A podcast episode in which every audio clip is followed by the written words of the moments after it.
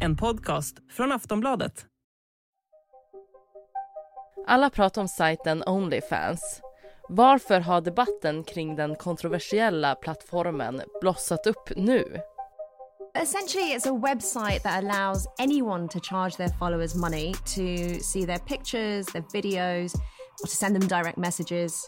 A kind of after dark version of Instagram that you have to pay for. Ja, Onlyfans, där följare kan betala för att se bilder och videos från specifika användare som erbjuder exklusivt innehåll, har nu hamnat i mitten av en uppmärksammad debatt. Det var 2016 som Onlyfans startade och det har beskrivits som en blandning av Instagram och betalplattformen Patreon. Men skillnaden är att Onlyfans har blivit känt för sitt pornografiska innehåll. Och det har rapporterats om hur både privatpersoner och kändisar har tjänat stora summor pengar genom Onlyfans. Bland annat så tjänade Disneystjärnan och modellen Bella Thorne en miljon dollar på 24 timmar efter att hon hade skapat sitt konto enligt företagets uppgifter. Och andra kända namn som har dykt upp på Onlyfans är rapparna Cardi B, Iggy Azalea och Tyga. Men även svenska kändisar förekommer på sajten som realityprofilerna Paulina Pau Danielsson och Josie Kaplonch. Under den senaste veckan så har det snackats mycket om den svenska skribenten och författaren Linda Skugges Onlyfans-konto. Hon har berättat öppet om varför hon laddar upp innehåll, vilket har väckt många reaktioner. Men det har också riktats en hel del kritik mot plattformen och det som händer bakom kamerorna, både i Sverige och utomlands. Bland annat om hur Onlyfans normaliserar porrindustrin. Så varför uppmärksammas Onlyfans just nu? Vad är det som sajten egentligen erbjuder? Och vilken problematik är det som gömmer sig bakom plattformens framfart? Det är några av de frågor som vi ska prata om i det här avsnittet av Aftonbladet Daily. Jag heter Ellen Lundström. Och jag har med mig Irena Poschar, chefredaktör på Veckorevyn och kolumnist här på Aftonbladet. Irena, det är många som pratar om Onlyfans just nu. Kan du börja med att berätta om vad det är för typ av plattform? Eh, Onlyfans är ju en typ av eh, abonnemangstjänst där folk kan prenumerera på olika personers eller kreatörers innehåll. Eh, så man betalar för att få ta del av det en viss person lägger upp på den här plattformen. Och det kan vara olika typer av innehåll men nischen för Onlyfans har ju blivit framförallt sexuellt innehåll då. Och man kan också då betala för att få exklusivt innehåll, beställa innehåll och att man får tillgång till att chatta med de här kreatörerna. Och det här är en plattform som skapades redan 2016 men det var egentligen först 2020 som den slog igenom brett och det var faktiskt på grund av pandemin till stor del. Många jobbade hemma eh, men också många som blev av med jobbet och eh, det här blev ett nytt sätt att försörja sig. Finns det någon skillnad på det som läggs upp på Onlyfans om man jämför med andra hemsidor som publicerar pornografiskt innehåll? Alltså tanken eh, med Onlyfans är väl att användarna själva laddar upp sitt innehåll och därmed på något sätt har makten över det. Alltså de har makten över nakenbilderna och filmerna. Men det här kan man ju diskutera om det verkligen är så det ser ut. För det finns ju exempel på att innehåll har läckt ut till exempel eller där kvinnor har tvingats till att skapa innehåll på Onlyfans.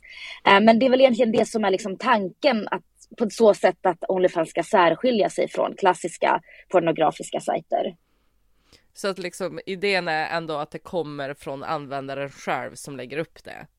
Precis, att det kommer från användaren och att det är frivilligt eh, uppladdat. Vilka är det som lägger upp innehåll på Onlyfans och vem är det som konsumerar det? De som lägger upp är eh, kändisar, det kan vara fitness-influencers, det kan vara youtubers men också helt vanliga människor. Om man går in på, på Onlyfans på det de liksom pushar för i sina kanaler så ser man ju att det kanske är så här recept på mat eller träningsprogram och så. Men, men framförallt så är det ju det här Eh, sexuella innehållet då som eh, dominerar. Och det kan som sagt vara många olika typer av människor. Och tittar man på de som konsumerar så är det i allra högsta grad män. Och det finns lite statistik som visar att det är män mellan 30 och 40 år ungefär, eller mellan 33 och 45. De är ofta vita, de är gifta och de är hetero eller bisexuella. Eh, så att här är det lite skillnad på vem det är som eh, konsumerar och vem det är som producerar. Vem är det som tjänar på innehållet då som läggs upp på Onlyfans? Men det är ju så att kreatörerna då får ju eh, 80 procent eh, och Onlyfans tar 20 procent av intäkterna. Alltså, tanken är att uppdelningen ska se ut så. Men det finns ju också exempel på eh, företag som arbetar med att det de säger då stötta och hjälpa kvinnor att kunna tjäna mer pengar. Det kallas för e-pimping, alltså det är e-pimpare då. Eh, så att då eh, får olika personer som jobbar på de här företagen de här kvinnornas inlogg, de hjälper till att chatta, de hjälper till att ta emot beställningar och då får de också betalt för det. Så att liksom provisionen för kvinnorna som lägger upp det här nakna innehållet minskar. Och sen det, det grövsta eh, fallet är ju då när det sker ren trafficking. Eh, som vi har haft i fallet med Andrew Tate till exempel. Han har ju blivit eh, åtalad för eh, trafficking och eh, bland annat då så har ju han då tvingat kvinnor, eller ska ha tvingat kvinnor att lägga upp naket innehåll på eh, Onlyfans. Så på så sätt kan man ju också tjäna pengar på det här. Och den som har tjänat mest pengar är ju ägaren, eh, majoritetsägaren Leon Radvinsky. Han uppskattas ha tjänat ungefär 500 miljoner dollar på plattformen på bara två och ett halvt år. Är det han som äger innehållet som läggs upp på Onlyfans? Ja, man kan nog inte säga att han äger innehållet. Det slås fast liksom att det är kreatören som äger själva innehållet alltså upphovsrätten. Men Onlyfans har rätt att använda det materialet du laddar upp om du har godkänt användarvillkoren, vilket du har gjort om du har skapat ett konto. Och de får använda det här innehållet på vilket sätt de vill och de får göra det gratis, det vill säga att de behöver inte ge dig betalt om de eh, använder ditt innehåll i andra kanaler. De, har in, eller de säger så här att vi kommer inte sälja ditt innehåll till tredje part, till exempel till en annan eh, porrsajt. Men det står också att om vi säljer företaget så följer liksom licensen som Onlyfans har för att använda ditt innehåll med. Och då blir det ju ännu svårare att, att kontrollera. Så att du äger ditt innehåll men du är väldigt svårt att ha kontroll över det och vad som kommer hända med det. Vi ska fortsätta att prata om varför Onlyfans uppmärksammas så mycket just nu och vad kritiken mot plattformen handlar om. Aftonbladet Daily är strax tillbaka. Millions of people have lost weight with personalized plans from Noom. Like Evan, who can't stand salads and still lost 50 pounds. Salads generally for most people are the easy button, right? For me, that wasn't an option. I never really was a salad guy. That's just not who I am. But Noom worked for me. Get your personalized plan today at Noom.com. Real Noom user compensated to provide their story. In four weeks, the typical Noom user can expect to lose one to two pounds per week. Individual results may vary.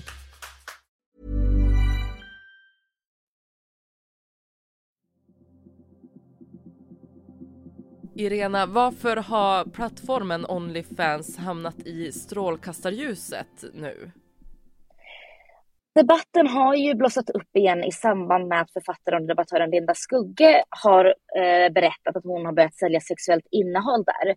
Och det är för att hon vill försörja sig. Hon har berättat att hon har känt sig mer eller mindre tvungen att göra det här eftersom hon inte har råd eh, med eh, sin behandling för sin sjukdom som hon har, Addison, och att hon är rädd att inte ha tak över huvudet. Och då har Onlyfans blivit ett sätt att få en, eh, en extra inkomst. Och det där har då gjort att det har påbörjats en ny debatt om Onlyfans. Det gör det då och då.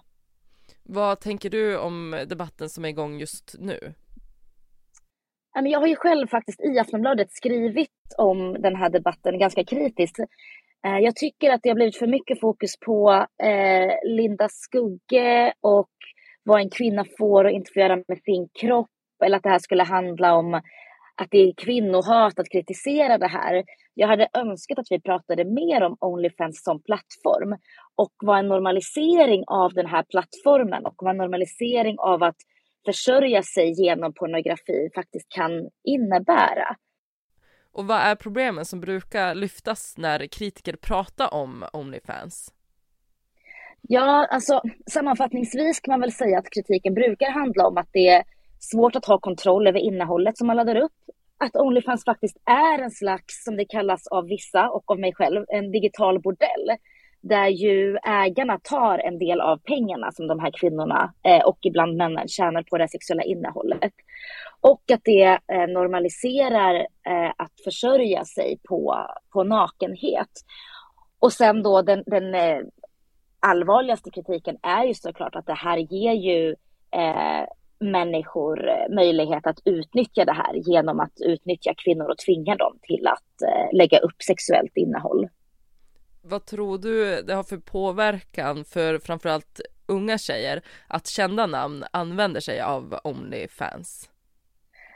Nej men det är väl just det att det sänder ut en signal om att det här är okej, okay, att det är eh, normalt att det är en normal del av den samhälleliga utvecklingen av digitaliseringen av sociala medier.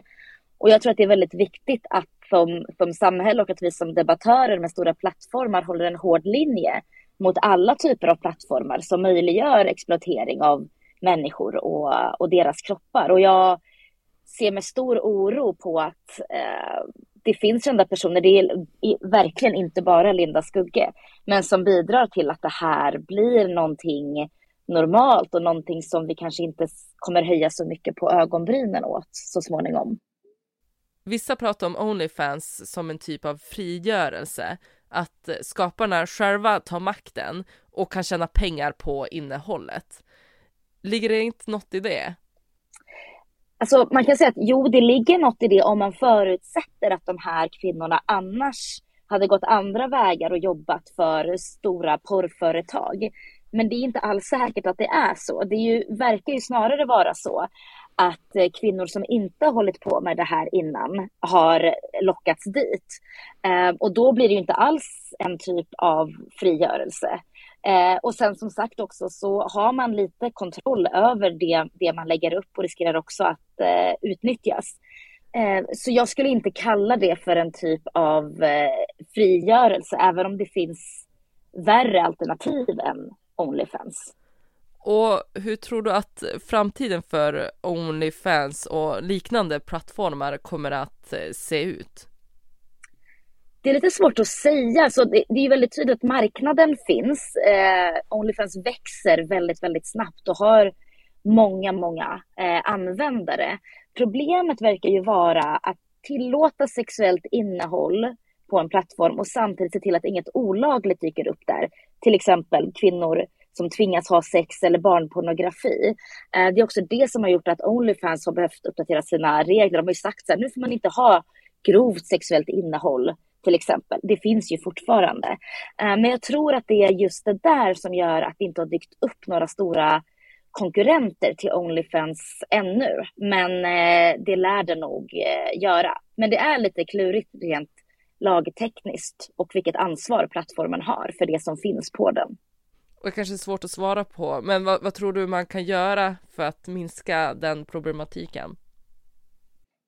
Jag tror att man måste prata om Onlyfans som det det är och inte måla i något slags feministiskt eh, liksom rosa skimrande glitter. Ehm, jag tror också att man måste våga vara lite alarmistisk och faktiskt prata om hur män framför allt kan utnyttja den här typen av plattformar för att begå samma typ av brott som de alltid har begått på, på gatan eller på andra digitala plattformar. Eh, så jag tror att vi måste hålla en hård linje och att det är viktigt att eh, informera unga tjejer om vilka risker de tar när de laddar upp den här typen av, av bilder på sig själva. Och jag tror också att vi måste våga prata om ansvar hos offentliga och kända personer också. Det säger Irena Poschar, chefredaktör på Veckorevyn och kolumnist här på Aftonbladet. Och det här var allt för det här avsnittet av Aftonbladet Daily med mig, Ellen Lundström. Vi hörs snart igen.